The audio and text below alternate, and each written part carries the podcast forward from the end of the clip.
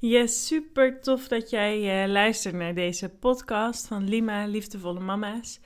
Misschien is het de eerste die je van mij luistert, misschien heb je al meer uh, beluisterd. Hoe dan ook, heel tof uh, dat je deze nu hebt aangezet.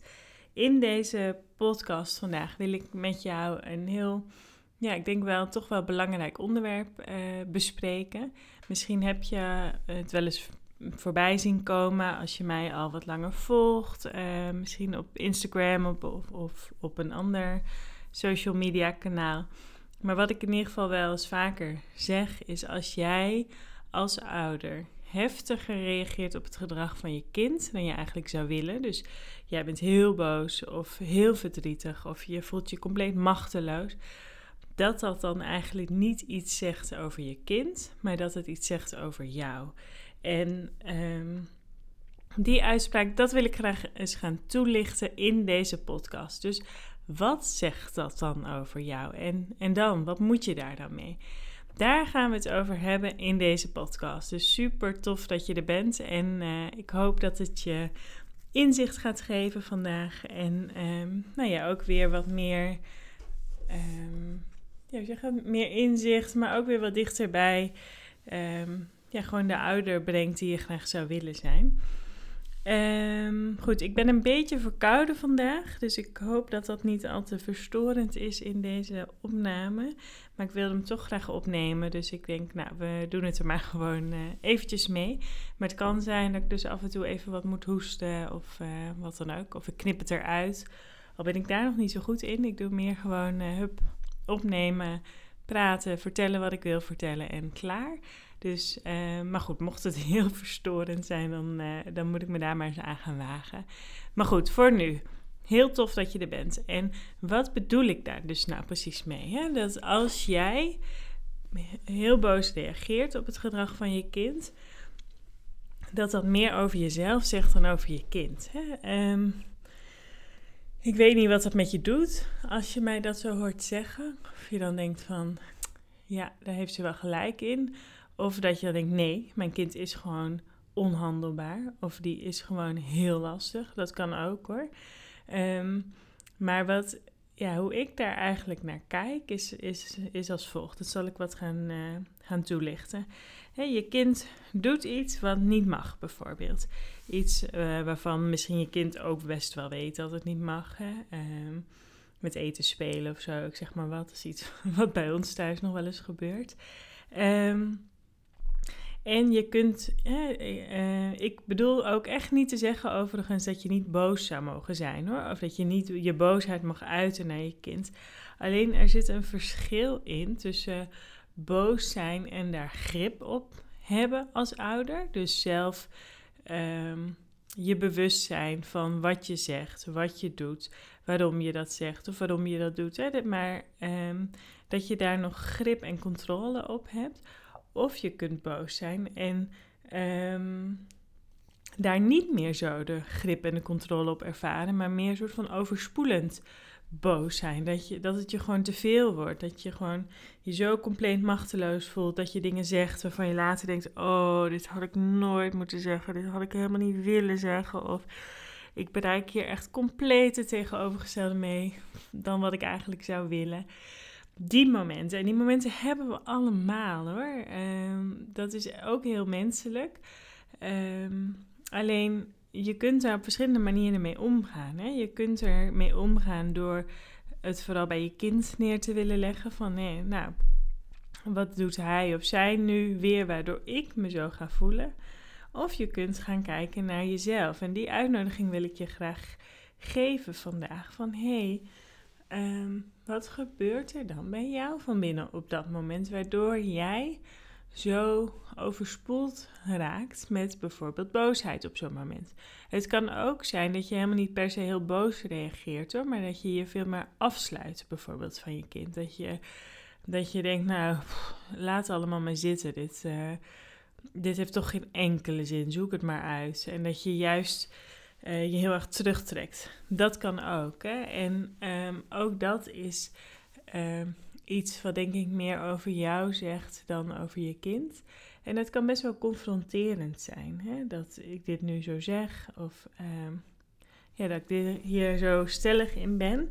Maar ik geloof er heel erg in. Kinderen en alle mensen hoor, zijn in de basis goed. We zijn in wezen goed. En jouw kind doet, zal nooit expres iets doen om jou uit de tent te lokken. Of om jou uh, boos te willen maken. Daar geloof ik niet in. Kinderen zijn gericht op verbinding en op verbinding maken. En ze kunnen wel juist tegen hun ouders en juist tegen degene bij wie ze zich vertrouwd voelen, heel erg de ruimte voelen om ehm, nou, een soort van alle remmen los te gooien. En alle emoties die misschien opgekropt zijn geweest op de dag uh, eruit te gooien. Dus dat, dat ouderschap is behoorlijk pittig. En ehm, ik zal daar later nog eens, uh, denk ik, dat is meer een ander onderwerp hoor, om daar nog eens een andere podcast over op te nemen. Want waar, waar ik het vandaag dus vooral over wil hebben, is wat wordt er dan in jou geraakt op die momenten dat je dus de grip eigenlijk op jezelf en op je eigen emoties wat verliest. Hè, dan komt jouw reactie dus vanuit jouw innerlijke gekwetste kind. Daar heb ik een andere aflevering over opgenomen. Dus ik zou zeggen, als je daar meer over wilt weten, luister dan vooral die aflevering eventjes. Ik kan ook even snel opzoeken hoe die aflevering ook alweer heet. Ik weet het zelf al niet meer. Um, hoe ja, dat is de derde podcastaflevering die ik heb gemaakt. Dus de vorige eigenlijk uh, van deze. Hoe je kind jouw kwetsbaarheden zichtbaar maakt. Aandacht voor je innerlijke kind. Dus als je daar meer over wil weten, zou ik zeggen: luister vooral die podcast als je die nog niet hebt geluisterd. Um, maar goed, je reageert dus vanuit je innerlijke kind. En jouw innerlijke kind wordt geactiveerd doordat er. Um, in jou, eigenlijk de manier waarop jij naar jezelf kijkt, of de manier waarop jij naar de wereld kijkt, naar anderen kijkt, dat die uh, overtuiging, die wordt als het ware geactiveerd. En dat, dat noemen we een schema. Dus een schema is een overtuiging over jezelf, de ander of de wereld om je heen.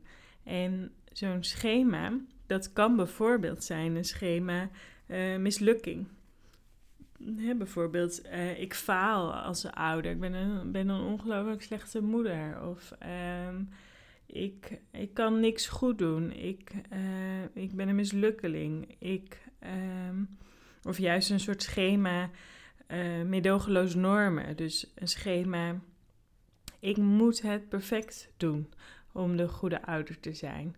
Of um, het kan ook een schema, dat hoort ook meer bij het schema mislukken. Hè? Als je kind bijvoorbeeld absoluut niet naar je luistert of niet doet wat je van hem of haar vraagt. Dat je het schema uh, mislukking ook uh, actief wordt. Dat je denkt, nou, het maakt niks uit wat ik doe. Er wordt toch niet naar mij geluisterd. Of wat ik wil, of wat ik vind, dat is helemaal niet belangrijk. Hè, dat soort overtuigingen. Misschien herken je dat wel, dat dat wel eens opkomt in het, uh, in het contact met je kind. En zulke overtuigingen, zulke gedachten over jezelf of over een ander, dat maakt natuurlijk dat jij je ook nog naarder eigenlijk, nog rotter gaat voelen. Dat je nog bozer wordt of nog verdrietiger wordt. En um, zo zijn er allerlei verschillende schema's die in jou uh, geactiveerd kunnen worden. Er zijn er 18 uh, verschillende op dit moment vastgesteld. Dus uh, best een hoop. Mislukken is er dus één die ik al noemde. Hele strenge hoge eisen aan jezelf stellen. Maar je hebt ook een uh, schema, dat schema heet emotioneel tekort. En dat gaat eigenlijk over van niemand begrijpt me echt. Niemand begrijpt echt wat ik vind, wat ik belangrijk uh, vind, hoe iets voor mij is. Nou, zo zijn er allerlei verschillende schema's. Mocht je dat nou interessant vinden, je kunt gewoon vrij beschikbaar um, die vragenlijst invullen online. En um, ik zal de link naar die vragenlijst even in de uh, show notes van deze podcast uh, delen. Want je kunt voor jezelf die vragenlijst invullen en dus onderzoeken van hé, hey, wat zijn nou de schema's die ik heb? die bij mij misschien sneller geactiveerd kunnen worden door het gedrag van mijn kind. En ehm, het fijne is, als je dat weet van jezelf, dan herken je dus je eigen kwetsbaarheden, je eigen valkuilen als het ware. En als je dat gaat herkennen bij jezelf, kun je er ook op de momenten dat het gebeurt steeds meer en steeds beter met een afstandje naar kijken. En dan reageer je niet meer vanuit de heat of the moment, zeg maar vanuit de emotie, um, vanuit dat innerlijke kind. Maar kun je door bewustwording meer afstand creëren tot dat wat er gebeurt. En dus meer vanuit jou, gezonde volwassene, die rustig de dingen kan overzien, die, die goed begrijpt wat er, wat er gebeurt, wat er aan de hand is, wat je nodig hebt en ook hoe je daar op een gezonde manier voor kunt zorgen, die kan, eh, die kan dan de regie meer gaan pakken. Want dat is eigenlijk wat je wil. Dat die gezonde volwassene, die kant in jou, die weet wat belangrijk voor jou is en hoe je daar op een gezonde manier voor kunt zorgen, dat die de regie kan pakken. Ook op die momenten dat je kind Ehm, ja, dingen doet die jij heel vervelend vindt. Waar jij moeite mee hebt, waar jij moeilijk mee om kunt gaan. En ik denk dat dat een hele belangrijke ja, taak is eigenlijk aan ons als ouders. Om onze valkuilen, onze kwetsbaarheden, onze schema's te snappen, ehm, te kennen, te snappen.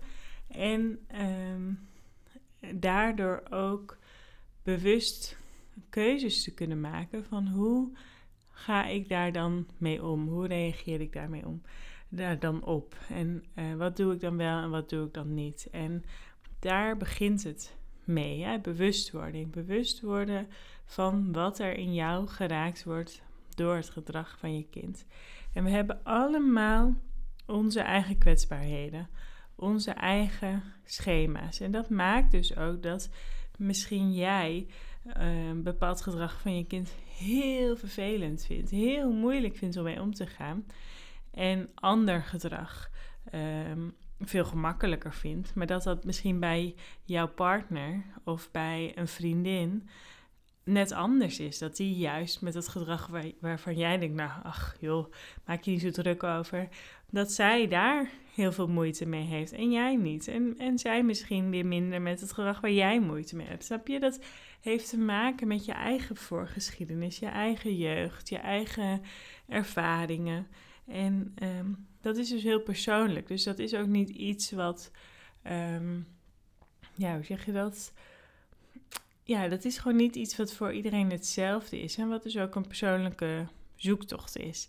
En um, in een van de volgende afleveringen zal ik ook wat uitgebreider met je stil gaan staan bij wat veroorzaakt nou die schema's? Hoe komt het nou dat jij die uh, bepaalde kwetsbaarheden hebt? Waar hangt dat nou mee samen? Dus daar, ehm, nou, ik denk dat dat de volgende aflevering wordt. Maar um, zoek hem anders eventjes op. Dat, dat zal gaan over behoeften, die, uh, die podcast. Dus die staat uh, misschien als je dit luistert dan wel online. Zoek hem dan even op. En uh, dat is eigenlijk een heel mooi vervolg, denk ik, op deze aflevering. Goed, voor nu ga ik deze afronden. Ik wil ze niet te lang maken. Ik ben benieuwd wat het je voor inzicht heeft gegeven. Laat het me vooral weten. Dat vind ik super leuk als je mij laat weten dat je dit geluisterd hebt. Of dat je ehm, daar misschien over wilt delen met anderen. Dat zou ik ook helemaal super tof vinden natuurlijk. Je kunt ook een review achterlaten bij de podcast. Uh, in Spotify kun je sterren geven volgens mij. Dus uh, dat zou ook heel leuk zijn, want dan word ik wat beter vindbaar. Ook voor anderen die uh, hier geïnteresseerd in zijn. En dan wil ik je heel erg bedanken voor het luisteren en tot de volgende. Doei!